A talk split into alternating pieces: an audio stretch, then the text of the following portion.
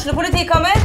Ine Jansen er purk. Er du purk? The motherfucking bitch. Alt jeg vil, er å finne ut hva som skjedde med mannen min. Jon Carew. Er jeg sikta for noe? Iben Akeli. Det er du. Ole So, Lars Berrum og Big Daddy Karsten. Hvem sin side er du på, egentlig? Anette Hoff, Tone Danielsen, Kommer du fra Afrika? Jørnis Josef, Nesten. Kløfta. Trond Espen Seim, Det er synd å si det, men det var feil mann som døde. Purk. Premiere tirsdag på TV2 Play.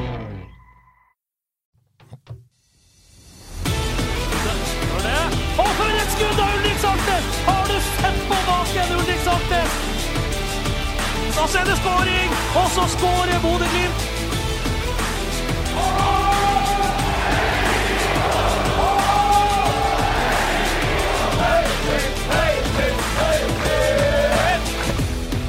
Velkommen til Studio Glimt-podden 12. april 2023. Én seriekamp inn i sesongen. I dag er det Trond Olsen og Freddy Thoresen som sammen med programleder Bør Arntzen skal gi dere både facts og meninger om situasjonen i Glimt. Velkommen til dere. Takk for det. Thank you. Temaet for i dag er hva fikk vi ut av kampen og seieren mot, mot Sarpsborg 08? Resten av eliteseriekampene i åpningshelga, hva kan vi si om dem? Vi må innom andrelagets kamp mot RBK2 i går. Oppdatering på skadesituasjonen i Glimsdalen. Spissplassen, hva tenker vi der? Og hva tenker vi om neste serierunde? Da går vi i gang. Da er det skåring, og så skårer Bodø-Glimt! Sarpsborg 08, Bodø-Glimt 02. Trond, hva du merka deg fra det oppgjøret? En, eh, en god start. Tre poeng. Uh, Syns de starter bra. Uh, aggressiv, direkte. Trykker Sarpsborg bakover. Får to skåringer, og så har de bra kontroll.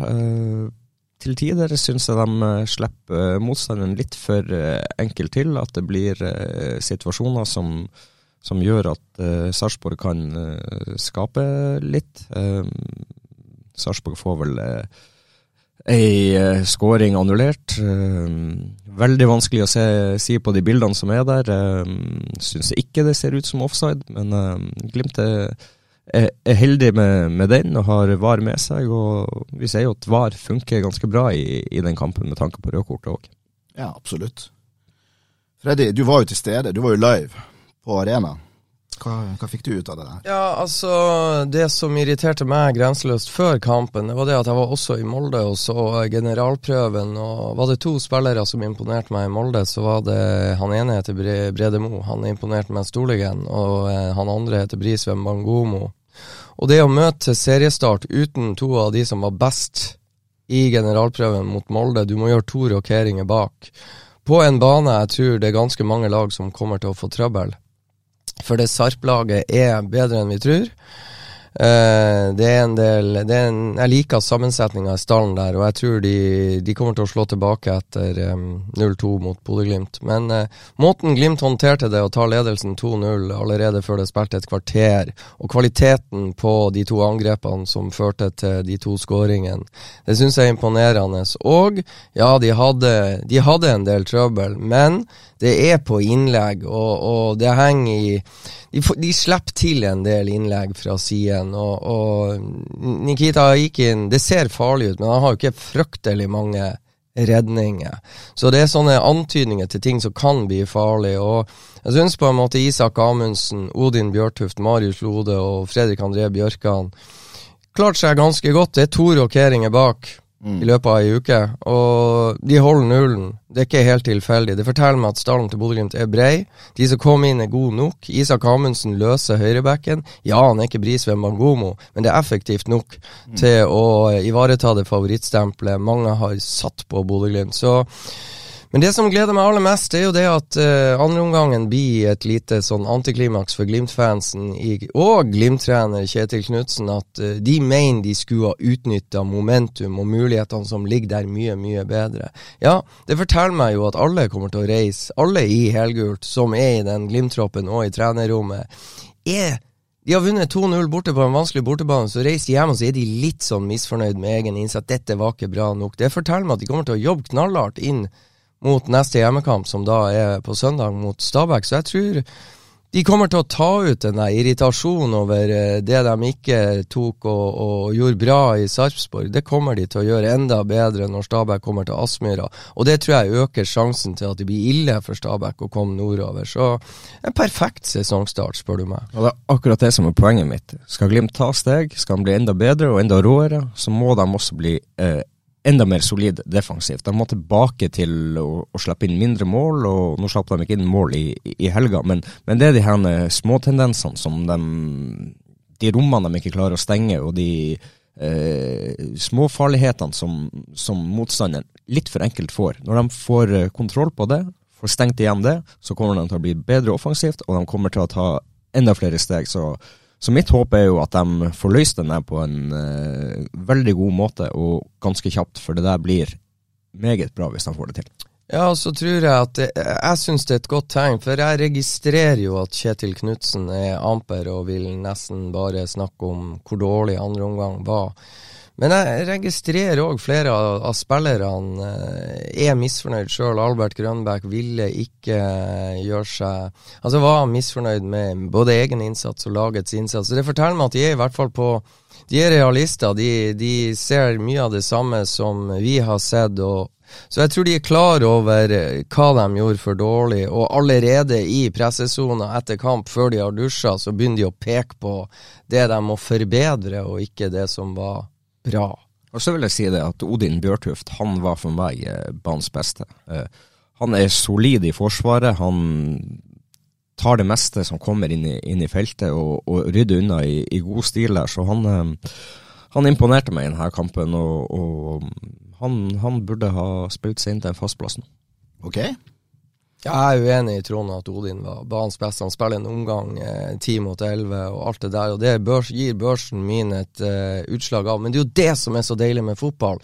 Trond har sitt syn. Han har et par eliteseriekamper mer enn meg. Jeg har mitt syn, men jeg har sett flere enn han fra tribuneplass spørre hva tenker du? Det er jo det. Du er jo programleder i egen ja, podkast. Det er det som er så deilig med Det er det som er så deilig med fotball. Jeg har min, min banens beste. Jeg var også veldig imponert over Odin. Jeg syns han gjorde en, gjorde en, kjempebra jobb. Men jeg syns at Fredrik André var helt fantastisk. Jeg synes Det var så deilig å se han i, i sånn bra driv og kom fremover. og det var jeg syns han hadde en Ja, det er det som er så deilig med fotball, det er ikke noe eksakt vitenskap. og det, du, du, går litt på følelser, for endelig ja. så kjenner du igjen utover i andre omgang. Det blir litt trygt, og Fredrik André bare setter på. Ja. på. fart i korridorene. Og så handler det når han kommer frem, at han velger riktig. Med, jeg fikk en sånn 2020-sesong-feeling over ja. det Fredrik André gjorde i de deler av den kampen. Og, jeg, og det var en god feeling. Men, men, det er jo klart å se utover i andre omgang, når det blir masse mer rom, og du er en mann mer, så skal det være naturlig. Når, når, når Glimt er et så godt lag som de er, og de spiller med én mann mer, så er det et minimum at de skal skape såpass. Og så, så, så, er det det som eh, imponerer meg, som samtidig, samtidig, irriterer meg. Underveis i kampen så trakk jeg midtstopperne ganske mange. De, de, pausebørsen min var høyere enn eh, etter, eh, etter, 90 minutter. Og det Glimt sliter litt med, de, som jeg sier, Brede Mo og Brisveen Bangomo var blant de to eh, var blant de beste på banen i Molde uka før. Ingen av de spiller. Glimt må inn med Isak, og Odin starta mot, uh, mot Molde Molde også, men som venstrestopper, ikke høyrestopper. Og det er ei lita sideforskyvningsproblem som gjør at eh, det blir et overtall på bakre når Peter Reinhardsen setter ballen i mål på et innlegg fra venstre. Der har Odin eh, skjøve seg ut litt for langt over mot Isak, og der innlegget kommer. Eh, Lode, så det blir litt sånn følgefeil og tellefeil. Og det er de tingene jeg syns som gjør at jeg syns både Odin og Marius har ting å gå på i forhold til å score topp på børsen, og så ser jeg at de har gode arbeidsforhold. Eh, men Odin sto, uh, sto steike godt opp og vinner de viktige duellene når uh, siste ti minuttene, når Sarp fikk lov til å komme til litt uh, flere gode, skumle innlegg fra siden enn de burde når de spilte med en mann mindre. Jeg vil gjerne prate litt om det offensive også. Joel Mbuka var jo etter mine, mine begreper en, gjorde en veldig bra kamp. Kanskje en av de beste kampene jeg har sett på han på, på lenge. Er dere enig i det? Ja, altså Det som imponerer meg mest med Joel Mbuka, det er det defensive han gjør. Mm. Å, fytte rakkeren. Det er Han har jo nesten flere høyhastighetsdefensive løp og, og sprenge opp eh, motstanderen enn han har offensivt. Han ser i hvert fall for meg ut som han skrur mer på turboen. Og han sto også steike støtt i, i en del sånne 50-50-dueller, hvor han står og vipper unna spillere som er både høyere og sterkere enn han sjøl. Så nei, Joel imponerte meg stort, det må jeg si. Mm. Kan han også si med at han denne gangen her spilte på, på venstresida? Er han bedre der, eller var det bare, egentlig bare mer tilfeldig, det? Første gang jeg så Eller Joel spilte jo på venstresida også mot uh, Molde. Så syns jeg han klarte bra. Så er han uheldig uh, i situasjonen som fører til 2-0-målet til Molde. Men uh, jeg tør jo påstå at han kunne ha møtt hvem som helst i Eliteserien, men i den situasjonen Han prøver å holde på ballen og skjerme på ballen, men så er det Veton Berisha. Mm. Som er hardt i presset og aggressiv, og til slutt så vinner jo Veton en, en duell som har pågått over tid. Så han var uheldig der, men jeg syns også han var bra og skapende fra venstresida mot Molde. Han er involvert i, i um, skåringa som reduseringa til 1-2, uh, eh, hvor han får er vel tredje sist på ballen ut til Sørli, som spiller han inn på tvers til uh, Faris Pemi som skårer. Uh, så, så, Joel er et uromoment, og han er et aktivum offensivt, og han er et aktivum defensivt. og i Sarp så var han jo involvert i de to skåringene um, mm. før det er spilt 15 minutter.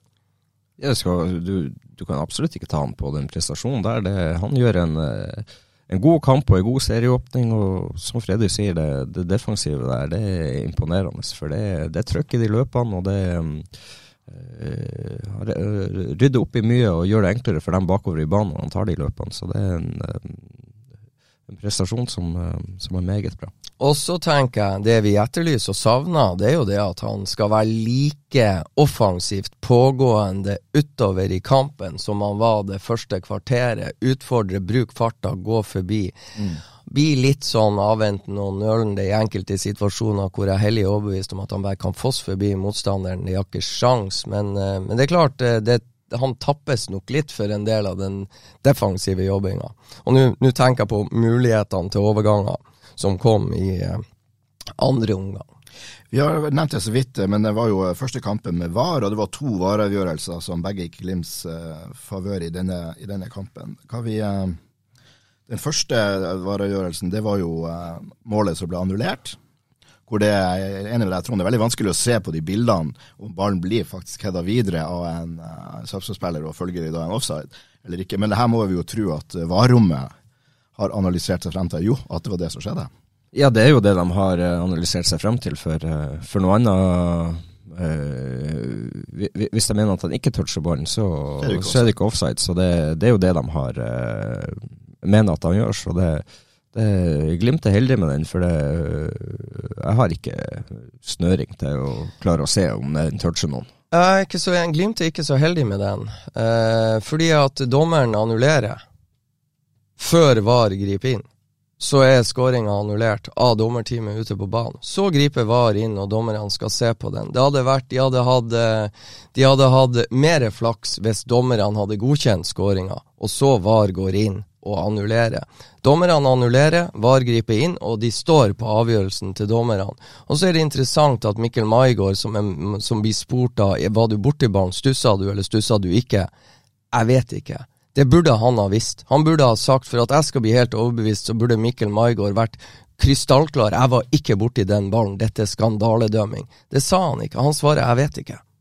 Og da er det jo jeg, jeg, har vanskelig for å ta var, i hvert fall. For ikke sant? Nei, men det du, det du må ta, det er, assistentdommeren. For han skal egentlig ha tungt flagg. Han er for tidlig oppe. Han er for het der med flagget. Så det er han du må ta på, på den situasjonen. Ja, nå var, var, jo jeg på stadion der, og, og, det var mange situasjoner hvor jeg ser linjedommerne er seint oppe, så um, jeg er ikke så sikker på at dommeren er, er oppe i det sekundet der. Det, det, går noen sekunder, og så annullerer de før VAR kommer inn i bildet. Mm. Ikke sant? Så, så, så, igjen, det er, jo, men, det er jo veldig Men det vil jo skje uansett, fordi at du må jo bruke den tida på å analysere det. Vi, selvfølgelig. Men, men, er dere enige med meg at skåringa ble annullert før VAR kom inn i bildet? Er vi enige om det? Ja, det er vi enige om. Ja, hvis, er vi enige om at Glimt har mer flaks hvis dommerne godkjenner skåringa der og da, ute på banen, og så griper VAR inn og annullerer? Hvis du vrir, vrir det over sånn, så, så ja. Men uansett så, så mener jeg at uh, uansett hvilken vei det om det har vært Glimt sin vei eller Sarpsborg sin vei, så kommer flagget litt for fort der. Der må uh, assistentdommeren hold- holde flagget litt lengre, og så eventuelt komme det eh, når, når avslutninga er skjedd. Ja, Men avslutninga skjedde jo et, et tiendedels sekund, og ikke det engang, etter. Altså, jeg mener at flagget kom opp, da lå ballen i mål. Så han, han skulle ikke vente enda lenger med det der. Spillet er jo på en måte Det var en del situasjoner, er faktisk en del farlige eh, før pause, hvor jeg og Christian Berg sitter og sier det der er jo offside, og så går det tre og fire trekk, og så det, kommer det et innlegg, og så eh, treffer ikke Sarp, og så kommer flagget opp. Så det var veldig, i hvert fall for oss, veldig tydelig at det her vi kjenner igjen fra VM, altså at eh, vi sitter og lurer, var ikke det der offside? Og så går spillet videre i flere trekk, og, og når eh, angrepet er avslutta, da får vi bekrefta mistanken. Da kom flagget opp. Så det var en del situasjoner hvor flagget kom veldig seint. Og det, og det er jo sånn det skal være. Ja. Det er jo sånn du skal praktisere Så, så sånn oppfatta vi det. Men jeg vet ikke hvor tidlig eller seint en linjedommer kan komme med et flagg. For altså det, det kommer jo på bakre, og ballen går i mål. Et eller annet tidspunkt må jo flagget kom opp. Men Men La oss ta den andre vareavgjørelsen, som jo kanskje er enda mer interessant, nemlig det gulkortet som ble omgjort til et, eh, et rødkort. Det, det, det syns jeg var et sånn veldig godt eksempel på at, eh, at VAR kan bli bra. Ja, den er klokkeklar, og det er en helt korrekt avgjørelse. og Det er bare å applaudere VAR for å ta den. og Den, eh, den går kjapp, og de eh, finner ut av det. og Det, det, det er et feil gulkort først, og det er et soleklart rødt kort, så det, det er ikke noe å tenke på. Det er helt rett. Ja, og litt sånn eh, kred til Ola Håber Nilsen, som ser situasjonen ikke sant, live, og gir eh, sarping Jeppe Andersen gult. Og så blir han kontakta på øret, og eh, velger å gå og se, og gjør om på, på sekundet. Eh, så der var det jo en som, hvor det er bedømt, som jeg sier den første, det blir dømt offside. VAR går inn og sjekker, de står på offsiden. Her blir det dømt gult. De går inn og sjekker på VAR, og de gjør om avgjørelsen. Så det var i Sarp så opplevdes var eh, trygt og interessant, og ikke minst eh, skjermene virka. Den største skandalen eh, er jo at eh, de, de tester, og det er tre baner hvor VAR-skjermene på stadion faktisk ikke funka. Det er jo ikke bra i ei serieåpning, men i Sarpsborg funka dem, og jeg syns Og det, det, det oppfatta Altså, når du satt på stadion, så oppfatta oppfatter ikke jeg det at det tok uforholdsmessig lang tid, noe jeg kanskje kom til å frykte, men det opplevdes naturlig da. Ja, jeg syns heller ikke det, det tok lang tid når jeg satt og så det på TV. Jeg syns det gikk eh, relativt greit. Så um, ja. Ja, men uh, heller at de bruker litt ekstra tid på å Enig. finne ut om situasjonene er korrekte eller ikke, enn, at det blir feil. Så det er eh, nå, nå landa de på, det, på, på den skåringa at, eh, at det er offside, og da får vi bare stole på at de gjør rett i det. For eh, jeg kan ikke sitte her og si om det, det er touch der eller ikke, for det vet jeg ikke. De, de bildene har ikke jeg klart å se. og så eh, velger jeg å tro at dommerne gjør rett, og det går i Glimt sin favør denne veien, og, eller i, i dette tilfellet, og det, det er bra. Og en annen ting var, altså vi satt jo og frøs på stadion. Eh, Carl Henning Bjørnstad satt ved siden av frøs, og det så jo ut som det var en soleklar fin scoring det der der, men vi tenkte ikke der og da på den stuss vi ikke så. Nei. Så eh, nei, det var, det var interessant. Men skal vi konkludere eh, samtalen om eh, åpningskampen med at det var en bra start for Bodø-Glimt? Ja, det er en bra start. Det er to fine skåringer, tre poeng. Um, Ingen baklengs? ingen baklengs. Uh, det er ting å rette på. Glimt ser det sjøl umiddelbart uh, underveis i kampen, og, og alle uttaler etter kampen at eh, de er fornøyd, men det er mye å gå på. Så det, det, er, det, det er god serieåpning.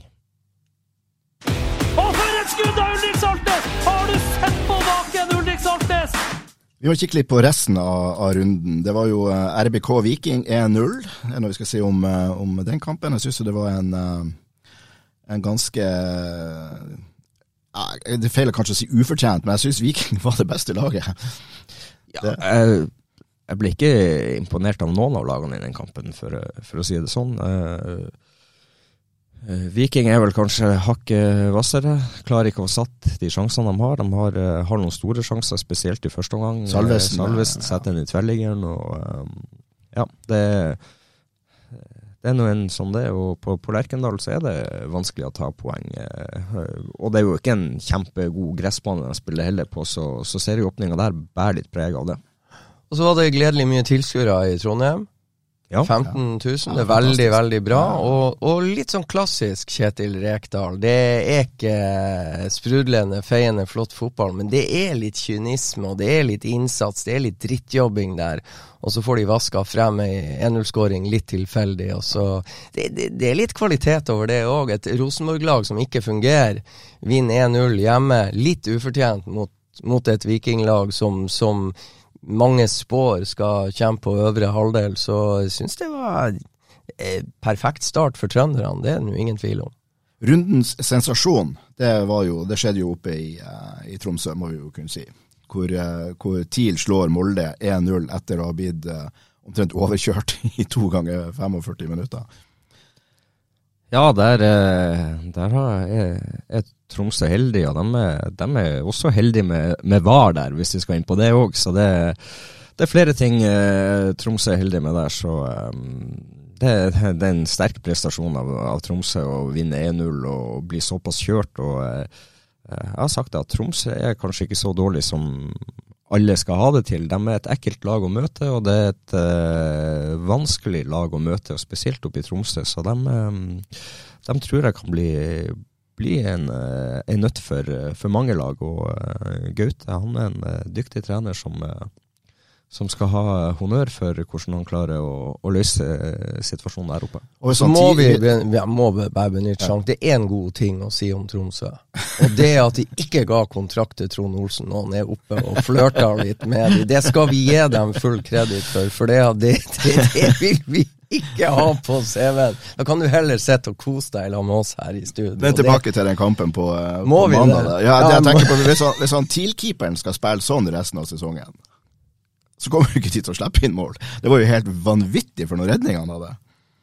Altså, Jeg vet ikke om dere har sett det Kavalkaden, men jeg, jeg så en sånn kavalkade etter at de hadde klippet alle de det var, Jeg mener det er jo sensasjonelle redninger å gjennomføre, Altså gang etter gang. Det er Altså fantastisk. det, det, det er utrolig sterkt av Tromsø, for det Molde-laget er, det er bra. Det er et av de aller, aller beste. Og at uh, Molde ikke skårer mot Tromsø, det, det, kan jo verden spekulere på. Men det, det, er, det at Tromsø sitter igjen med tre poeng der, er sterkt. Og så har de Eh, også som dere sier, dommeravgjørelsene med seg. Det er jo spekulasjoner om Ola Brynildsen har en ball som er inne i nettet, og Haugård er jo og snapper den ut eh, før den eh, når i nettmassen. Men igjen, jeg, jeg må bare si der eh, Dommeren Uslam, eller Mohammed Aslam Uslam, eller hva han heter, han kan jo ikke dømme scoring for at han tror ballen er inne. Han må jo dømme på det han ser. og Terje Hauge syns jeg var bra i, i, i TV 2.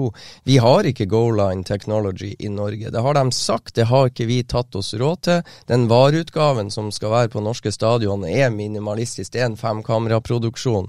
Og så har de 10 og 12 og 15 i Premier League osv. Så, videre, og så, videre. så det er liksom miniatyrutgaven av varer man har. Og da kan liksom ikke dommerne tro, de må vite, og de har ingen bevis på om ballen er inne eller, eh, eller ikke. Så Men, eh, men Freddy, det som er helt utrolig med VAR i Tromsø, det er jo at, de, eh, at på den, den situasjonen hvor Tromsø får straffe, og så går altså dommeren og ser på situasjonen, og opprettholder eh, avgjørelsen om å gi Tromsø straffe, det er jo, det er jo helt ubegripelig. Ja, det, det, det er god mørkt. Og der er, og der er det, det er veldig bra du sier det, og det er der jeg lurer på hodet, egoet til dommeren, og drar inn Ola Hobber Nilsen, som har bedømt gulkortsituasjonen på Jeppe Andersen mot uh, Isak Amundsen. Om det er på en måte erfaringer som gjør at han aksepterer med å se på bildene at jeg vurderte feil, jeg gjør om og gjør det rett, og at det er det motsatte som skjer i Tromsø. Jeg er ikke sikker, men der har vi litt den der eh, fallgruva Men, med men det som er spesielt i, i Tromsø, det er jo at dommeren står etter kampen òg og forsvarer det. At Ja, og jeg, har sett- bildene, og jeg, jeg mener fortsatt det er straffe. Det, er, det, det skulle nesten ikke vært mulig. Nei, det, det, det er så langt under straffe som, Det er jo som det kan. frispark til Molde. Ja, Det er jo det det er. Og det, det, det er jo sånne situasjoner Ja. vi vi skal unngå. Og, Ja. det, og da, da, da er det forferdelig at det, det skal bli straffe på, på en sånn situasjon. Og så er det jo artig at tromsøværingen Jakob Karlstrøm redder han ned til venstre når Zakarias Oppsal skyter. Ei straffe som dere mener er feilaktig idømt. Men, men uh, uansett, sterkt at uh, tre poeng ble igjen uh, i nord. og Ja. Og Molde har nå da tapt én kamp allerede. I fjor Ja, tenk, tenk, tapte de på to. det. tenk på det. Eh, Molde avslutta, og det er et godt Molde-lag, de avslutta fjorårssesongen med 17 seire på rad. Og så får de opp og rundspiller Tromsø og taper. Det er helt utrolig, egentlig. Fotballen er forunderlig. Den er rund. Ja, den er rund. Er det noen av de andre kampene dere vil eh, si noe om? Ja, Brann. Eh, Brann Haugesund 3-0. Ja, jeg syns Brann eh, de imponerer meg. Det, den vinteren de har hatt, eh, minner litt om Glimt 20, 2019 på, på, på mange områder. Jeg syns de eh, gjør veldig mye bra og, og ser veldig sterke ut. Og så blir det spennende å følge dem utover sesongen, for det, det, det laget der er, det er et bra lag som, som Artig å se på. Altså, ja, det- artig å det- se på, men nå, nå glemte jeg navnet på, på, på treneren. Eirik Horneland. Horneland, Horneland, ja. ja. Han har fått skikk på det, og fått, eh, fått inn sin måte å ønske å, å, å spille på. Og så har du spillerne og typene i det laget som eh, som eh, ja, eh, er, er tro til sine oppgaver, og en kaptein som, eh, som går foran og, og er en leder der, så det, og Bård Finne på topp, som, som har vært eh, glohet i hele vinter. Hvor mye vinter, penger bør Glimt legge på bordet for å kjøpe Bård Finne på i Bør bare la være, for Bård Finne har endelig funnet tilbake til seg sjøl. Han har vært rundt litt omkring i fotballen, og nå, i en alder av 27, så er han giftigere enn ever. Ja, Så- kan Ja, og, eh, men det er, det er fascinerende det der med, med fotball og selvtillit og spillere som, som De har jo vært vant til å vinne i et år eh, nå. De vant alltid i Obos, og de har hatt en vinter hvor de har vunnet alle kampene. Enorm selvtillit osv. osv. Men jeg var så heldig å prate litt med Erling Moe før Glimt møtte Molde forrige helg, og han sa det litt at de, man må huske på at eh, det er ganske lett å være trener når du står i en sånn der eh, seiersrekke som 17 kamper på rad. Han sier alt går jo av seg sjøl.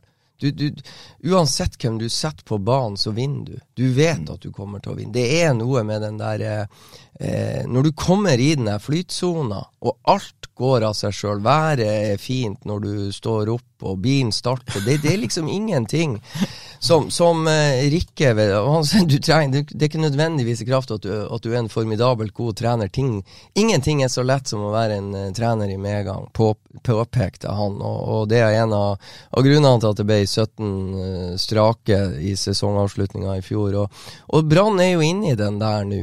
Ikke sant? De vet hva de skal gjøre, de vet de er godt trent, de vet hva som fungerer. Kommer det en 0-1 i sekken, så er det bare å fortsette med sitt. Og det er jo den der bølgen som også Bodø-Glimt har vært inne på. De er trygge uansett. De, de vet at eh, naboen eller sidemannen står opp for deg hvis du gjør en feil, osv. Så, videre, og så, videre. så det en, det en, de er på et godt sted, for å si det pent. Lørdag 29. april klokka 18. Eh, da blir det fest. Da er det Bodø-Glimt-Brann. Ja, og smak på det. Jaffet Seri Larsen går jo for å være ei av Seiler jo opp som ei av Det er jo mange som, eksperter som mener at det er årets signering ikke sant, i Eliteserien. Det at Brann henter han tilbake fra Bodø-Glimt. Eh, det er noe med å komme eh, tilbake til kjente omgivelser og bli litt tryggere enn du var i Bodø osv. osv. Fascinerende. Ser ut som en åpenbaring. Er skadefri uh, kontinuerlig. Han var knapt skadefri i Bodø, ikke sant. Så nei, fotballen er mystisk. Men den eh, Da når eh, Brann kommer opp mot bergenserne Kjetil Knutsen og Morten Kalvenes på Aspmyra, da, eh, Nei, da tror jeg det blir eh, rock'n'roll.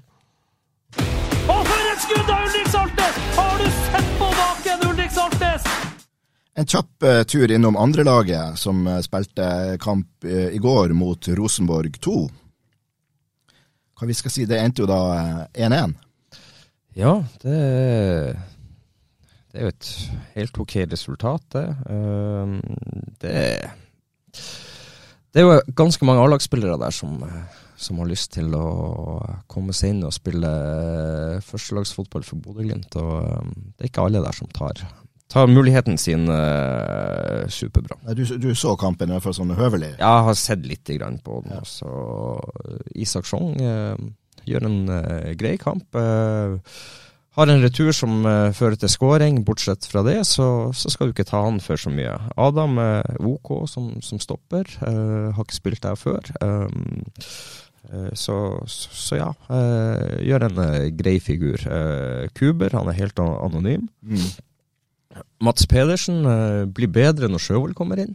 Uh, Pedersen og Sjøvold var jo en, egentlig en eh, fryd å se på etter at Glimt ble redusert til ti mann. Ja, så, så, så han, han- gjør det bedre utover i kampen. Og, og når Glimt blir én mann mindre, så, så kommer de mer frem og, ja, eh, og viser at det bor ganske mye i dem. Eh, Begge to. sant? Ja, begge to, ja. Løpskraft, fart, teknikk. Klar å plage en motstander som er en mann mer. Ja. Konradsen eh, virker rusten, trenger kamptrening, så, så han vet vi kan bedre, og han har mye å gå på. Så får vi håpe at han, han finner de rette knappene og, og kommer opp på et nivå som, som vi vet han har inne. Sjøvold, den ja, klart beste når han kommer inn. Kom inn som. Konradsen 45 til pause, og så bytter han med Fredrik Sjøvold. Så kommer Fredrik Sjøvold inn og spiller på Konradsens plass i andre omgang. Ja. Så han, eh, og han kommer inn og holder energien oppe selv når han blir eh, redusert til ti mann, og gjør en, eh, gjør en god omgang. Eh, kjær, eh, svak, eh, mye touch, eh, dårlig kroppsspråk og tilstedeværelse, så så ender jeg opp i et eh, rødt kort til slutt, og det mm, Ja, det er vel kanskje det man kan eh, si om hans prestasjon. Det, det er en svak kamp og mister hodet og får et veldig unødvendig rødt kort, og mest sannsynlig så, så blir det tre kamper på han. Mm.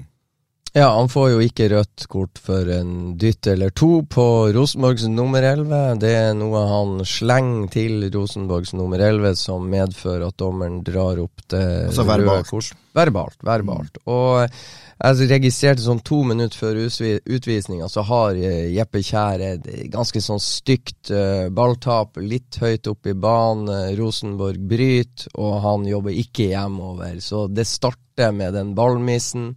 Slår ut med litt sånn dårlig kroppsspråk, og, og to minutter seinere så tusler han slukøra i garderoben. Og så gjenstår det å se om en straff på én eller to eller tre kampers karantene blir tøffere enn møtet med Kjetil Knutsen når de skal gjøre, gjøre opp på kammerset om hvordan, hvordan han tok vare på mulighetene på andre laget. Det Jeg vet ikke hva som er verst. Men han gleda seg ikke til praten med Kjetil. Det, Nei, men det er jo Det er fullstendig hodemiss. Og uh, ja Uh, De tingene som angivelig skal bli sagt, det, det hører ikke hjemme på en fotballbane. Så det, det er greit. Uh, han får, får nok sin straff, og det, det kommer nok frem etter hvert.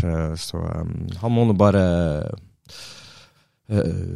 ta lærdom av det og, og komme seg ut av det der, for det blir ikke førstelagsfotball hvis ikke han stepper opp prestasjonene på, på i, i, når han får muligheten til å spille kamp. Eh, Lasse Nordås, da. eh, Ja.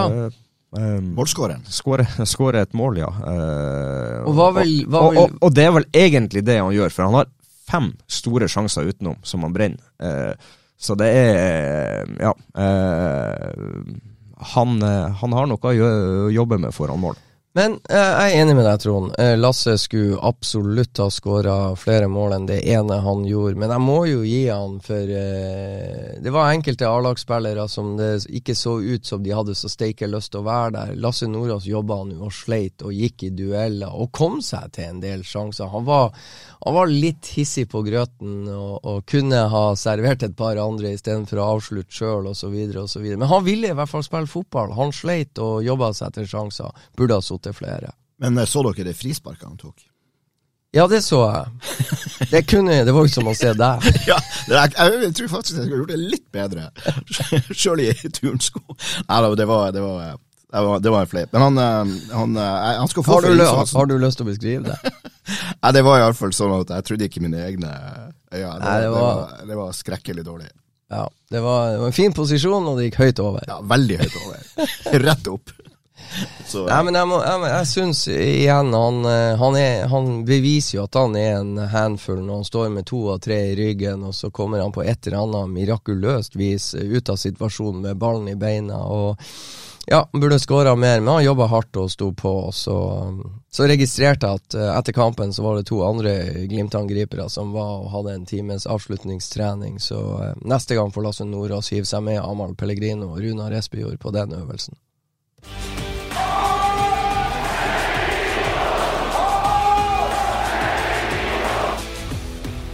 Da skal vi snakke litt om skadesituasjonen i Glimsdalen, eh, Freddy. Jeg vet dette er et vanskelig område å være bastant på, det skal vi jo heller ikke være. Men eh, vi kan i hvert fall komme ut med det vi vet. Det du vet og har eh, kontroll på. Nei, men altså, ei kjapp sånn her lita vareopptelling. Glimt dro til seriestart mot Sarp og vinner 2-0. Og jeg har eh, ti mann. To av de, nummer ni og ti, var i troppen. Morten Konradsen er akkurat klarert, uh, friskmeldt for spill. Uh, og kom inn og spilte 45 minutter mot uh, Rosenborg 2. Og så har du Adam Sørensen, som, uh, som opp, opplevde noe kjipt sånn rett før man gikk inn i påska. Det er jo, han har jo stått i krigen og, og vært med og loggført samtlige treninger. Så kommer han ut på og skal gjøre seg klar til ei trening, og plutselig bare går ut på banen, så bare svikter kneet under han. Et kne som er korsbåndoperert. Det bare sånn svikta, ga etter. Og det der eh, likte han jo dårlig. Det er klart du, det er noe mentalt når du eh, Det er jo en av grunnene òg til at overgangen til Bodø-Glimt, som ble bebuda året før det egentlig skjedde Han var usikker da, ville ha et år ekstra i Lyngby før han meldte seg klar, og vært trygg på at korsbåndet At han er tilbake for fullt etter den korsbåndskaden sin. Og, og vi vet òg hvor, hvor lang tid Sondre Sørli har brukt på en måte å begynne å finne tilbake til seg sjøl nå. Men eh, etter noen dager, de har jo testa så videre, og det som var nesten mest positivt, syns jeg, med, med Glimt 2 eh, Rosenborg i går, er at Adam Sørensen fullfører 90 minutter, såpass kort tid. Han kom jo inn som innbytter mot Sarp også, men han får jo den bekreftelsen han trenger på at kneet er bra. Det var noe mystisk som skjedde med at kneet bare ga etter, men den tryggheten det gir å stå de 90 minuttene og ikke ha noe problem, det er jo kjempebra en bekreftelse for han og det medisinske apparatet at de har lest situasjonen riktig. Så det er positivt. Så det var jo nummer ni og nummer ti på lista. Nino Sugelje, helten fra kampen mot uh, Viking, sa sjøl at uh, han uh, slo opp en skade på forsida av låret på ei trening. Det var vel når Glimt var i Molde og spilte, så var jo de resterende som ikke var med dit, var å trene på Aspmyr, og da har han angivelig slått opp den her lårskaden sin og sa seks uker. Jeg tror kanskje det går litt fortere. Men det er jo ikke sant, om det er to til fire eller fire til seks, det er jo sånn der vidt begrep, så, så er han, eh, om de skjønner, om det medisinske apparatet snakker godt nok engelsk, og han tolker, og det er ikke godt å si, men eh, Vi får ta Runar Berg på den. Åtte til ti til tolv uker. Ja, ja, ja. Nei da, eh, så Jeg vet ikke hva vi skal tro. Han, eh, han blir nok å trene litt alternativt litt fremover. Så får vi håpe at det ikke blir seks uker, heller fire. Men igjen, så er det, hvis det er en strekkskade som, som sitter i, i forsida av låret, så, så er det bedre å ta ei til to uker mer og være 100% sikker på den, enn å komme tilbake etter eh, tre uker og, og smelle den opp og bli satt ute i fem-seks nye uker. Så det der er en sånn skade som, eh, som er ekkel å få, og hvis du ikke får kontroll på den, så, mm, så kan du bli plaga lenge med den, og det, det er jo det de vil unngå. Og så er jo det kanskje det som har skjedd, da. Han har slått opp eh, en skade mens En skade som de visste var der når laget var og spilte mot Molde. Så hvem vet om han ble for hissig på grøten og gjorde noe han ikke skulle, eller ikke hadde skutt han. Ble det, for mange skudd fra distanse, eller ble det for mange langpasninger eller innlegg, eller Nei, det er ikke godt å si. Ulrik Saltnes prata jeg med i går. Han var jo, debuterte jo i eh, TV 2-sendinga søndag, når lag, nei, mandag var det når lagkompisene var og eh, serieåpna. Han eh, sier at det går bra med armer, og, og, eh, men er nok fortsatt ei stund unna. Jeg vet ikke, jeg tør ikke å spå. De sier ingenting om det. Ikke han, ikke det medisinske, men akkurat den der skaden i, i hånda, operasjonen der, der ser det ut som ting går bra. Og så har han jo vondt i kroppen, da. Eh, han har jo operert to hofter og en lysk eller to, så, eh, så det, kroppen skal i gang igjen. Så får vi se. Men Det blir ikke lett for han å komme inn på den midtbanen heller. Nei. Det, det, det, det tror jeg han analyserte seg frem til i TV 2-studio. Men han, i og med at det fungerer så bra eh, til nå, da, så gir det jo han litt mer eh, arbeidsro og tid til å på en måte gjøre en Altså, han trenger ikke nødvendigvis å stresse. Trenger han to-tre uker ekstra, så kan han jo bruke de.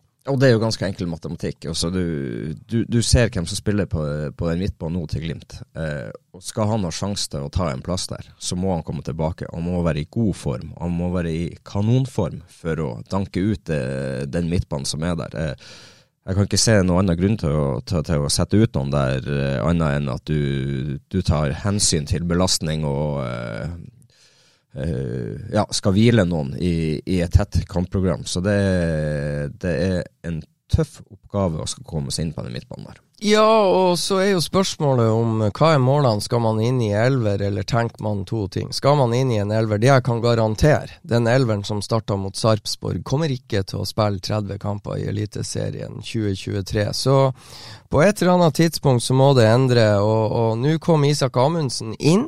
Han har eh, ikke starta de her siste kampene før seriestart. Han kom inn, fikk start på høyre back, løste det bra.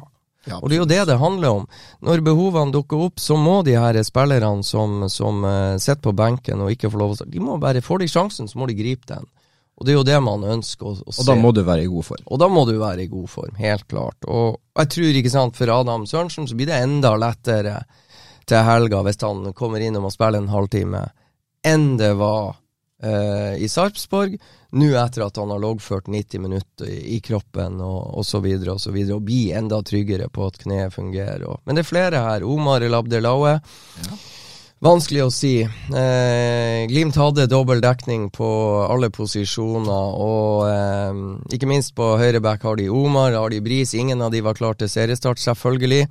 Kanskje antatt førstevalget der, Morten Ågnes Konradsen har ikke blitt klarert for spill um, i tide, og ergo så veldig Isak Amundsen. Sant? Vi er jo nede på en sånn fjerdekonstellasjon. Fredrik Sjøvold har fått noen smakebiter, flere smakebiter på høyrebacken Isak. Men dette har likevel gått bra. Det sier jo litt om dybden. Altså, dette er jo ja, ja, det sier litt om dybden, og det er positivt. Altså den dybden uh, de viser, som, som vinner 2-0 uh, eh, borte, med alle disse fraværene. Så Omar, vanskelig å si. Det er sagt at han skal fases mer inn i helhetslig fotballtrening denne uka. Så får vi se, da. Men er han og trener i Bodø nå?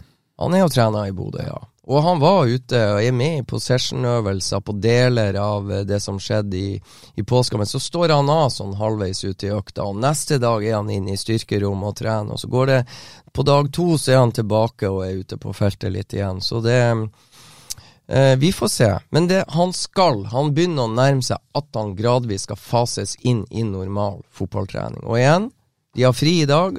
Får vi se, det blir spennende i morgen. Får vi håpe at Bodø nå ikke hører på oss nå, da, sånn at de drar for å sjekke hvor det ser ut med Omar. Eh, Brisveen Bangomo skal det være en liten strekk.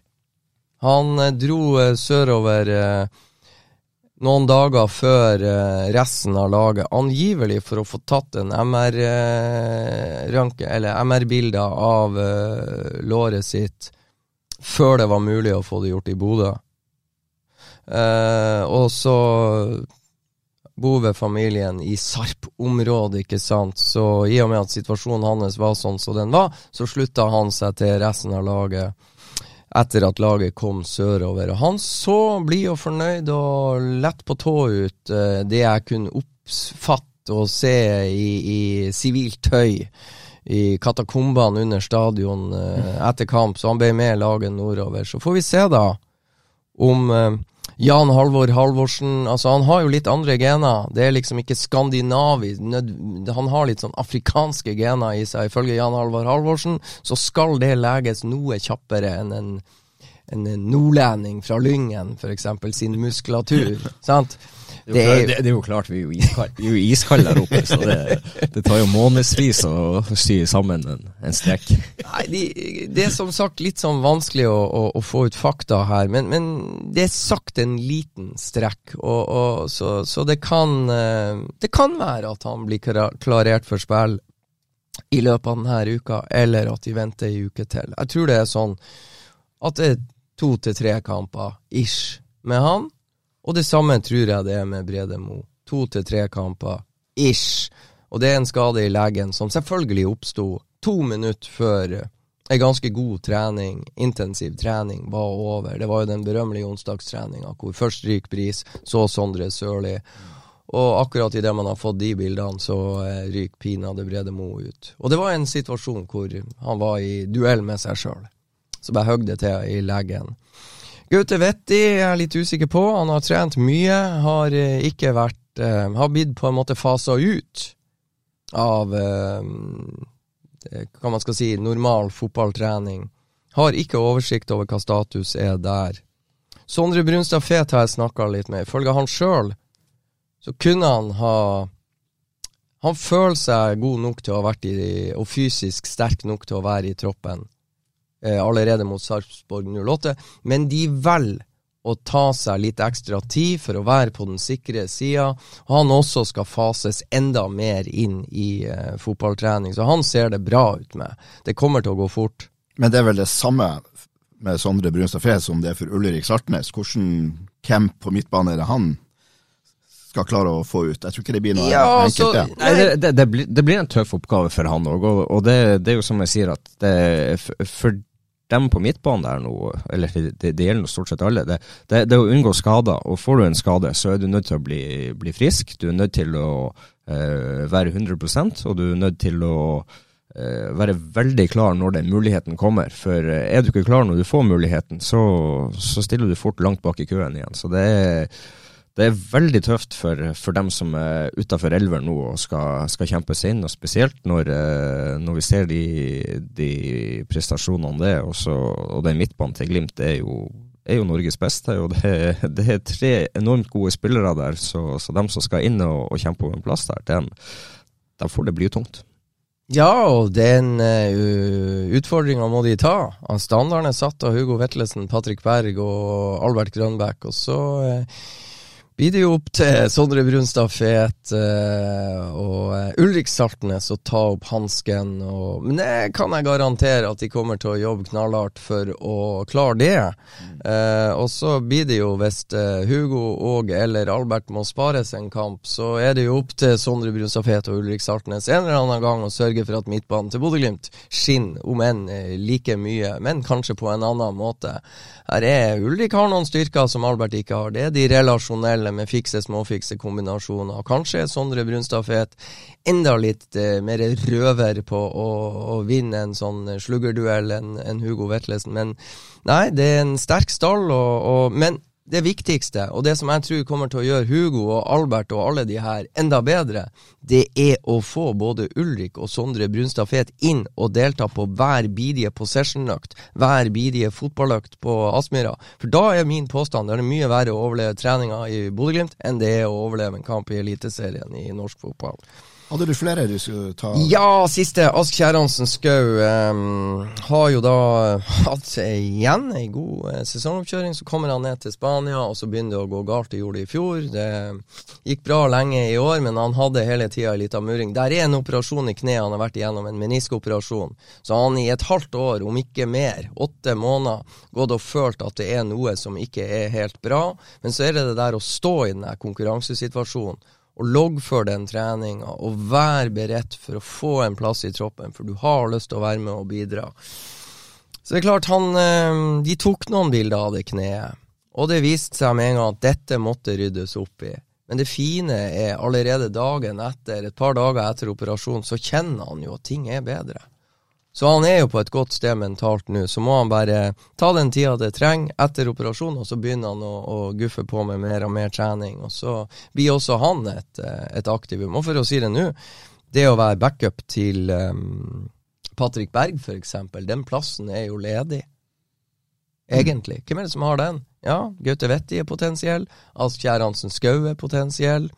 Fredrik Sjøvold beviste vel eh, at han kan ligge litt sentralt og rive og slite litt her nå for eh, B-laget, men han har jo mest vært eh, en indreløper og sideback, så Nei, den der anvendeligheten i troppen blir interessant. Og så tror jeg ikke det, det, fine er med alle de vi snakker om her nå, det er jo ingen som er sånn her langvarig, men det blir spennende å følge. Nino, hva blir progresjonen der? Ulrik, hvor fort uh, begynner han å komme seg ut og jobbe mer med ballen? Alle de andre her tror jeg det kan gå fort med. Og så vet vi allerede nå at uh, Joel han forsvinner jo til sommeren, så det er jo en uh, posis posisjon som blir ledig. Nino han er nødt til å være i form, og nødt til å vise at han vil ha den plassen. Ja, så det, er det jo en... det, det, det, er jo ting som allerede nå vi vet kommer, og vi vet at det kommer plasser som kommer til å bli ledig. så det det, det, er mange faktorer der. Hugo, eh, fortsetter han eh, sånn som han holder på, så er det ikke usannsynlig at han blir solgt til sommeren. Albert, han har et potensial til å kunne bli solgt. Så, så plutselig så kommer det inn noen 90 bud som Glimt ikke kan uh, si nei til i, i, løpet av sommeren. Og da, da blir det omrokering og plasser ledig. Så det, det, er, en sterk, det, det er en sterk tropp, uh, og du har, uh, du har, backup allerede i troppen, og mye kan skje. men det er de her uken og, og kampene som kommer fremover, at du må ha backup. Og de spillerne som er på benken og er på vei inn til å være aktuell for kamp, de må være i god form for å komme, kunne komme inn og heve laget i det laget sliter. Og så syns jeg jo det er fryktelig artig. Sondre Sørli får start i Molde, har scoring og assist. Sondre Sørli for start, og det er jo Man kan kanskje tro at det er Nino Sugell sin skade eh, som gjør, altså etter to mål og innhopp mot Viking ikke sant, Hadde han vært skadefri, så er jeg ikke sikker på at Sondre Sørli hadde fått sjansen mot Molde. Som sagt, skåring og assist, og så får han sjansen i serieåpning og skårer årets første Glimt-mål etter fem minutter. Han har jo tatt vare på sjansen, og så blir det spennende å se hvordan Sondre vokser inn i det her med å være i startoppstillinga. Ja, så blir det spennende å se hva han gjør til helga der. Uh, før verken Sondre eller uh, Joel uh, har spilt seg ut av laget, og uh, Amal sitter på benken, så vi skal komme litt tilbake til uh, Skal vi det? Vi skal komme litt tilbake til Og så vil jeg si en siste. Ja. Trond var inne på det. Joel Mbuka eh, skal forsvinne i august, og Glimt har jo allerede henta Petter Nåsa Dahl, så det blir spennende å se hvordan hans vårsesong i KFUM blir. De starta med 1-1 mot uh, Sogndal, så Nei, det er konkurranse. Og så er det skåring! Og så skårer Bodø-Glimt! Vi skal se litt fremover, og vi skal se litt på, eh, på spissplassen. Trond, hvem bør være førstevalget som spiss? Runar Espejord. Runar Espejord er ditt klokkeklare ja. svar der. Jeg syns han har mest å tilføye det laget. Han er, han er den beste fotballspilleren uh, ut av uh, de spissene Glimt har i troppen, og han er den som uh, jeg syns er mest giftig og gir laget mest. Så, um, Mener du at du fikk bekrefta det du nå sier i kampen på, på, mandag, hvor vi fikk se begge første Nei, jeg syns ikke vi får bekrefta noe på spissplassen på, på, mandag, men generelt, eh, og det som er, jeg har sett ut av de spissene som er der, så syns jeg Runar Espejord er den mest komplette fotballspilleren av dem. Freddy, ditt første valg? Ja, jeg har ikke noe førstevalg. Jeg, jeg, jeg er på en måte lettere misfornøyd med alle tre. Eh, jeg syns eh, det har vært konkurranse i hele vinter. Jeg har ikke noe soleklar ener. Eh, hadde Runar Espejord vært i den formen som han var i fjor høst, og jeg lurer litt på hvorfor var han i den formen. Jeg, registrerer at i det øyeblikk eh, Lars Jørgen Salvesen ankommer Bodø-Glimt og begynner å starte litt, så går det ei uke eller to eller tre eller fire. Da viser Runar Espejord seg på det nivået som jeg ønsker at han skal være. Da syns jeg Runar Espejord var det soleklare førstevalget til Bodø-Glimt på topp. Eh, jeg syns han viste i kamp etter kamp. Han skårer, han er involvert og han gjør mye bra. Jeg er ikke fornøyd med oppkjøringa. Har vært mye sykdom. Ja, vært, det, det, er akkurat det som ja, jeg skulle komme inn på. Har vært mye av og på. Og nå er seriestarten i gang. Og jeg syns ikke Runar Espejord er der. Jeg syns ikke Faris Pemi er der. Han vil mye, bruker kroppen, men det blir litt sånn Jeg er ikke fornøyd med noen. Å, det er min konklusjon. Akkurat mm. nå så hadde Glimt hatt en soleklart førstevalg på topp. Da kunne jeg sagt allerede nå at det blir seriegull, men det har de ikke. De har ikke et soleklart førstevalg. Og da mener jeg i alle spillets faser. Det er jo én grunn til at de bruker Faris Pemi nå, og, og, det er jo det der at de vurderer han som sterkest i denne her oppspillsfasen. Og han er sterk i oppspillsfasen, men han har mye å gå på. Han har mye å gå på relasjonelt, så det er tre ting. Det å kunne røkke ifra stopperne og ta imot oppspill fra midtstopperne, eller bakfra. Det å holde på ballen, legge igjen til indreløperne eller vingene. Det er den ene fasen. Så er det relasjonelt å gjøre de rette valgene. Og så er det å posisjonere deg og, og sette ballen i mål når du skal avslutte. Den beste avslutteren, ja, det er Runar Espejord. Best i oppspillsfasen tror jeg er Faris PMI. Best i presspillet tror jeg er Lasse Nordås. Så hvis du kan krydre sammen og skape en spiss ut av alle tres eh, egenskaper, så tror jeg du har spissen til Bodø-Glimt. Men nå har Lasse Nordås én styrke, Runar Espejord har én styrke, Faris Pemi har andre styrker. Men eh, der håper jeg håper å se fremover at en av de, eller at alle tre, tar steg. Og jeg, jeg syns ikke det er godt nok per nå. Er du enig?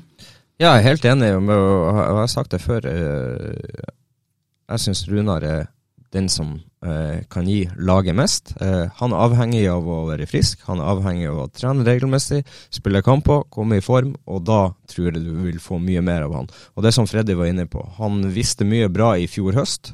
Det har han mista litt i løpet av vinteren. Han har vel vært syk tre ganger.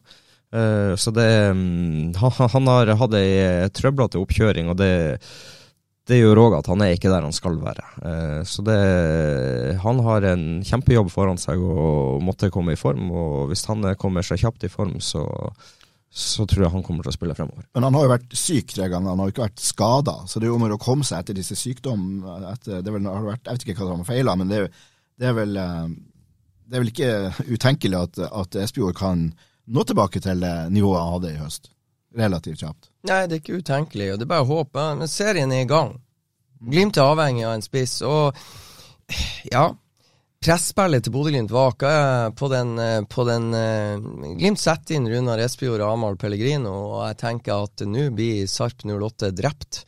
Men uh, de mister jo en dimensjon i presspillet og den defensive jobbinga med disse to uh, superstjernene offensivt i laget. Det er jo da plutselig at Sarp begynner å få etablere noen angrep som gjør at de får sette litt sånn trøkk på Bodø-Glimt med én mann mindre på banen. Mm. Er det fordi at Runar ikke gjør jobben defensivt? Er det fordi at Amahl ikke gjør jobben defensivt? Jeg vet ikke, men uh, det er en helhet i spillet som kreves, og uh, jeg håper Runar Espejord ja, kommer tilbake til der han var i garderoben etter PSV Eindhoven hjemme, hvor han sier til meg jeg har ikke vært i den formen jeg er nå, nå siden 2015.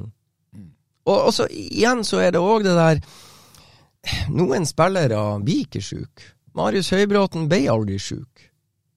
Eh, og ble han sjuk, så kommer han på trening og trener sjukdommen av seg. Så det, det, er også, det, er også, et eller annet sånn mystisk med folk som har en tendens til å bli sjuk, da. Står over den treninga, et par treninger, sånn og sånn og sånn. Nei, nå er serien i gang. Og da Det skal leveres på søndag. Jeg vet ikke hvem det blir. Da ser det skåring! Og så skårer Bodø-Glimt! Siste tema er jo da det du så vidt innom her nå, Freddy. Det er neste serierunde. Glimt skal altså møte Stabæk på Aspmyra søndag. og... Um Stabæk de spilte jo uavgjort 0-0 mot Odd på mandag, på en eh, bane som jo så ut som en uh, potetåker, rett og slett. Uten at jeg vet noe, det har så mye å si, de trener vel der. Men uh, nå blir det nå lekre Aspmyra, og uh, ja, Trond, dine følelser for den kampen. Hvordan bør, altså, bør Glimt vinne? Enkelt og greit? Ja, enkelt og greit. Det, er lett å sitte her og si at de, ja, de skal vinne enkelt og greit, og de bør overkjøre Stabæk, men det, det, er lettere sagt enn gjort. Stabæk slo, slo Molde ut av cupen, eh, vel å merke etter ekstraomgang og straffekonk. Det er ikke et dårlig lag som kommer hit, men eh, Glimt er et mye bedre lag. Har eh, mye sterkere stall, og det Glimt har vist de siste sesongene, gjør at de er store favoritter her, på, og spesielt på hjemmebane. Så, så det bør være en kamp eh, Glimt eh, går ut, dominerer og tar steg fra, fra forrige match. Og eh, ja, viser seg fra ei enda sterkere side. Og så regner jeg med at de, de virkelig har lyst til å sette standarden på Aspmyra i, i årets første seriekamp. Og ikke slippe inn baklengs. Ja, ja, det òg. Ja. Og det er jo å ta steg, det òg. Det er å slippe motstanderen eh, til enda mindre og, og være enda mer skapende og dominerende i, i banespillet og, og, og få ting til å flyte. Hvordan tror du det her kommer til å gå da, Freddy? Nei, altså det er mange ting som er interessant med hjemmekamp mot uh, Stabæk, og det er jo ingen tvil. eh, Glimt er storfavoritt. Og så er spørsmålet hvordan ivaretar de det favorittstempelet, da. Det er solgt 4600 sesongkort, ikke sant? Så det blir eh, mest sannsynlig mye folk. Men de må jo være vant til å være storfavoritt. ja, selvfølgelig, men når jeg kommer til fjoråret Hvorfor vant Molde med 18 poeng? Jo, Bodø-Glimt kasta vekk eh, seks uavgjorte hjemme mot, i kamper de alle burde vinne. Det ble seks uavgjorte. Hvordan løste de det? Så ikke sant, Motstanderen I fjor, så det, det de opplevde, var jo at motstanderen mura igjen, og ligger alle med, med ti topptrente fotballspillere. Og Det er lettere å ligge og, og skal ødelegge enn å skal være skapende. Og har de kontringsstyrke, og det var jo det de her lagene hadde, så Glimt løste ikke det der bra nok i fjor. Da er jo det som blir interessant, hvordan løste de det i år? Har de kommet noen steg videre? For det er klart, i Sarpsborg så var det jo en deilig naivitet over trener Billborns eh, angrep av Bodø-Glimt. De gikk jo i angrep så det suste etter, og det er jo befriende for oss som er glad i fotball, at Sarpsborg 08 har den tilnærminga. Nå får vi tro at det er et litt mer defensivt lag, og det fikk vi jo se i cupen mot, uh, mot Viking. Et defensivt lag som ligger og, og stenger og nekter, men de hadde kontringsstyrken til å score på Bodø-Glimt. Både én og to og tre ganger, ikke sant? Så er det hvor mye bedre Bodø-Glimt blitt i det der å finne de smutthullene som må til. Bearbeiding av balltempoet Yes, og sideforflytning yes, av, eh, yes. av motstanderen og ball. Og det, det. Tålmodighet, ikke sant? Ja, og tempo på ballen, ikke minst, for å få revet det i stykker. Så det Glimt eh, kan av og til være sin verste fiende med at de eh, tar ned tempoet, de klarer ikke å rive det opp. og da, det, det håper jeg de har utvikla i løpet av vinteren, at de klarer å eh, opp, eh, ja, opprettholde et balltempo som gjør at du til slutt får revet opp de her holdene du trenger for å bryte igjennom. Og det er jo det de har jobba med i hele vinter, og mot Viking på Aspmyra forrige gang i cupen, så skåra ikke Glimt før pause. Det var 0-2, ikke sant? Så kom det fem utover i andre omgang, når vikingspillerne gikk tom og begynte å gjøre feil. De gikk tom fysisk. De mister hodet mentalt og gjør eh, dårlige vurderinger fordi at de er sliten. Det utnytta Bodø-Glimt i kampens sluttfase og skåra fem mål. Så nei, det blir kjempespennende å, og, eh, å se. Og så blir det jo spennende da når den gamle Stabæk-helten Hugo Vetlesen, årets spiller i Eliteserien i fjor, skal ta imot sine gamle venner. Jeg traff Johan Vetlesen utafor stadion i Sarpsborg 08. Han lova på troa er at han ikke skulle nordover og se Stabæk mot Bodø-Glimt. Jeg tror han lyver. Jeg tror han dukka opp for å se Hugo mot Stabæk. Jeg tror ikke han klarer å la være. Er det andre kamper i neste serierunde vi skal merke oss? Vi har eh, Viking Lillestrøm på lørdagskvelden. Ja, Lillestrøm ser jo åpninga. Det ser åpninga for Lillestrøm, ja. Det- Ja, vi må, har vi noen meninger, synspunkt rundt at uh, Lillestrøm Strømsgodset ble utsatt? Ja, Min mening er at det var jo eh, helt fornuftig, en helt fornuftig avgjørelse basert på eh, legene sine vurderinger av en spillerstall hvor ti stykker ikke kunne eh, trene. Eh, Jeg syns det var helt fint. da. Jeg jeg skjønner ikke den voldsomme hylinga rundt det der. Men, eh, men hvis det nå viser seg at andre nå begynner å benytte seg av det for, altså, Jeg skjønner ikke hvordan leger kan gå med på det, så jeg tror ikke det kommer til å skje. Jeg syns det der var helt, den var helt fin. Ja, det er vel kommunikasjon de reagerer på, eh, og hvordan det blir eh, eh, Ja, Lillestrøm Ja, mener de skal ja. ha penger, rett og slett. Vi, Ja. har, vi har lagt så mye penger i forberedelser her, og det burde vi ha fått eh, kompensert for. Jo, men samtidig så også det hvordan du kommuniserer det ut, at eh, kampen er avlyst nesten før Lillestrøm får beskjed om det. og det det handler vel litt om hvordan du òg eh, inn mot klubbene der, at forbundet hadde gjort det på en litt bedre måte. Det som er synd her, her er jo helt klart antageligvis en del prosedyrefeil ute og går. Og ja, det er jo ingen skal betvile at Ok, vi skal ikke betvile sykdoms, eh, sykdommene i Strømsgodsetroppen, men ingen skal jo eh, på en måte stille i tvil eh, Lillestrøms strømregning for å gjøre eh, banen klar osv. osv. Men måten for, forbundet har vel litt å lære, og det er vel fortsatt ingen som har gått ut og, og kommentert dette, og det syns jeg er pinlig. For de har ganske mange ansatte som kan gå ut og face den her saken. Så tar de avgjørelser. Stå nå for de, gå ut og forklar hvorfor dere gjør som dere gjør. Det, det jeg reagerer på. Så er det synd at det ble som det ble. Synd for Strømsgodset, synd for Lillestrøm, synd for norsk fotball at de som tar beslutningen her, ikke tør å fronte egne beslutninger. Ja, være og bare stikke hodet i sanda og leke strutser. Det blir jo bare tøv. Dra på, på, dra på Men, men, men uansett så blir det spennende å se Lillestrøm til helga. Vi vet ikke hva de har, har inne. Og det Ja, blir- Lillestrøm, det var, blir- Lillestrøm var i Tromsø og slo Tromsø, et, en, en motstander Molde ikke klarte å slå. Så det betyr jo at det er litt grann i Lillestrøm er en av, av de som forventer opp der. Det blir kjempespennende Ja, det, og det blir Vi vet jo ikke helt hva, hva de har å, å by på. Det, det er jo det som blir deilig, å begynne å, å stifte en god bekjentskap til de her lagene. Og, eh, det, er er to, det, det er to lag du ikke fikk sett i helga, og fikk, eh, fikk en pekepinn på hvor de ligger. Så det, eh, jeg gleder meg til å, å få Lillestrøm og Godset i gang. Å, men det som blir artig, det blir jo Molde-Rosenborg. Ja, I det er jo- Rosenes by, hva? Et Molde-lag som tapte 0-1 i Tromsø mot et Rosenborg-lag. Kjetil Rekdal, han er vel ifra området, skal han ned med sitt kjære Rosenborg ned dit. Det der blir røverkamp, altså. Tenk på det. På, på søndag så kan Glimt allerede være seks poeng foran Molde. Tenk på det. Tenk på det. Eh, Sandefjord TIL. Det er jo en liten sånn eh, spennende eh, mulighet. Ja, kjempeinteressant kamp. Sandefjord som er dømt nord og ned, og har en del av vi snakka om før her, en del spennende spillere. Har ikke levert siden de vant. Siden de leda 4-0 i cupkamp på Konsto Arena mot Det var vel Odd. Eh, etter det har det vel vært eh, heller tynn suppe. Eh, og nå skal de møte Tromsø, som er stinn av De er høytflyvende. Ja, ja, ja, ja, ja. Så nei, kjempeinteressant. Men Sandefjord, det, det kan være en kødden motstander. Spesielt i Sandefjord, Ja, på, på, gresset der. Ja.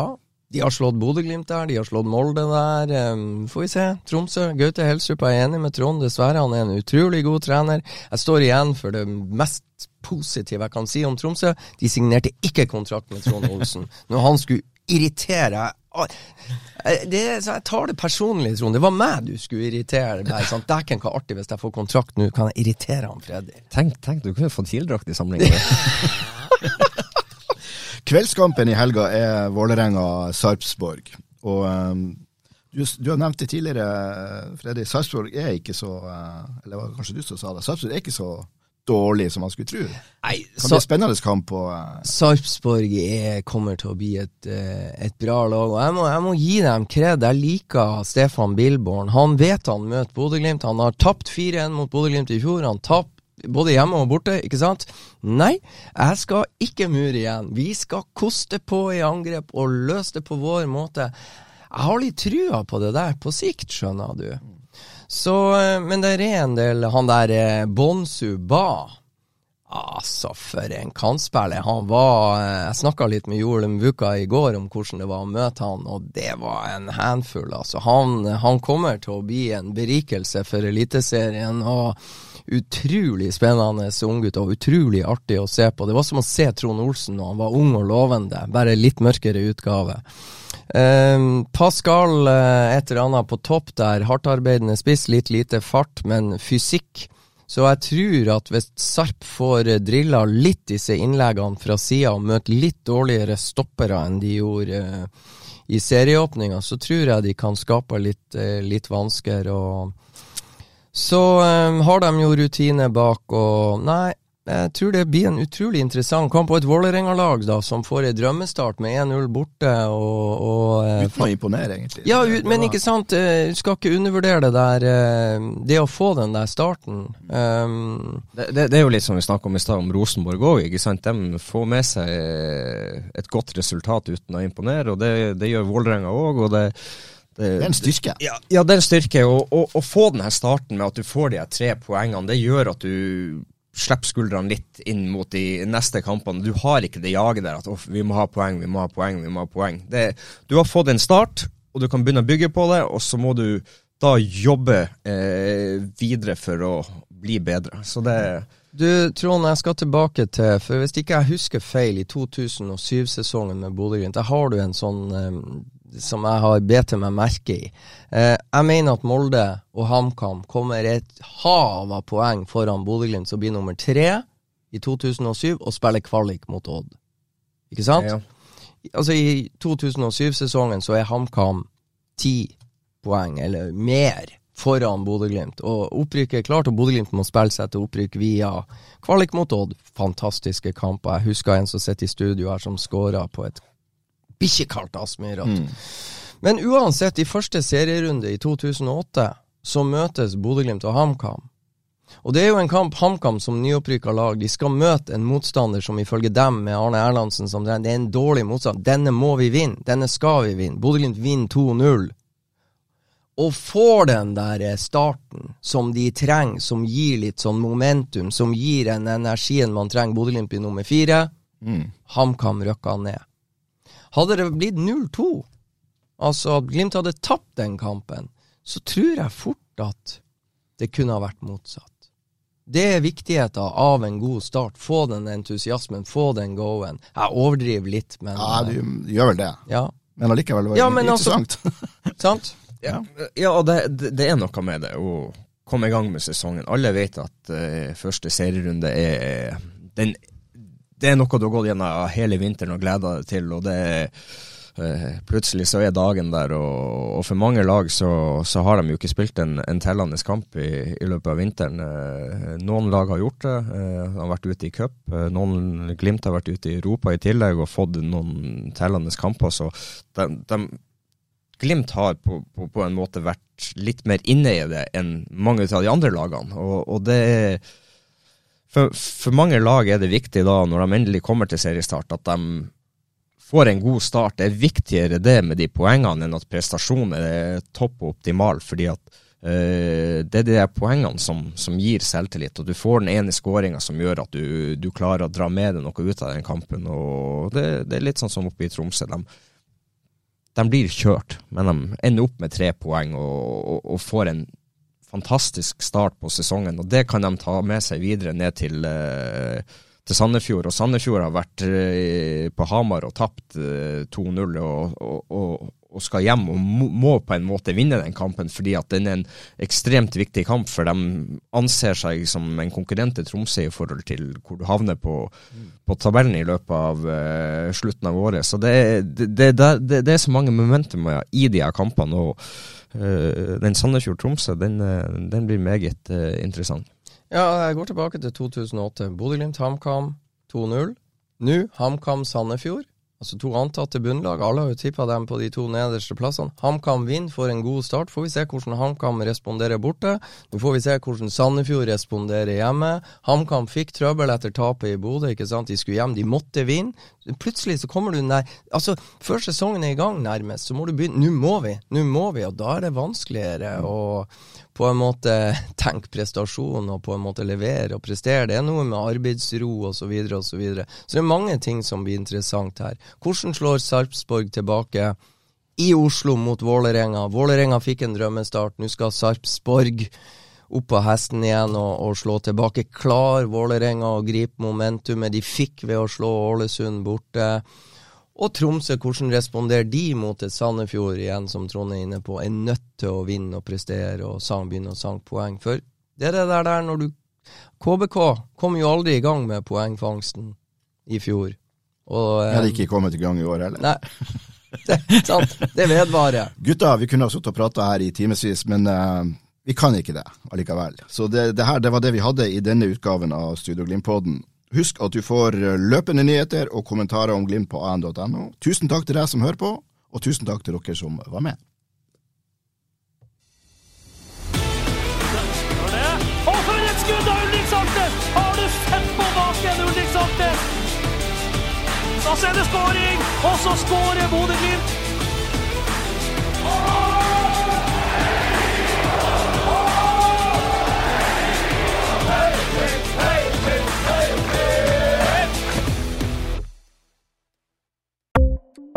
Ukens annonsør er HelloFresh. HelloFresh er verdens ledende matkasseleverandør og kan være redningen i en travel hverdag. Mange av oss har nok vandret i butikken både sultne og uten en plan for middagen, som ender med at vi går for de samme kjedelige rettene gang på gang. Middag burde være dagens høydepunkt. Som HelloFresh kan du nå velge mellom 25 ulike retter hver eneste uke, eller få HelloFresh til å sette sammen menyen for deg. Dette gir deg muligheten til å prøve nye og spennende retter alene eller sammen med familien. Du velger antall porsjoner og får alt levert på døren på et tidspunkt som passer for deg. Oppskriftene er enkle, og maten er lett å lage både for store og for små. Ved å få alt levert hjem får du også mer tid til å dele matgleden med familie og venner. Kanskje det frister med asiatiske tacos eller greskinspirert kylling? Da kan jeg anbefale deg om å gå inn på hellofresh.no. Her kan du bruke koden FOTBALL og få opptil 1779 kroner i rabatt på de første fem matkastene hvis du ikke har prøvd HelloFresh tidligere. Du kan også bruke rabatten hvis du har vært kunde og stoppet abonnementet ditt for tolv måneder siden eller lengre. Gå inn på hellofresh.no og bruk koden FOTBALL. Har du et enkeltpersonforetak eller en liten bedrift? Da er du sikkert lei av å høre meg snakke om hvor enkelt det er med kvitteringer og bilag i fiken, så vi eh, gir oss her, vi. Fordi vi liker enkelt. Fiken superenkelt regnskap.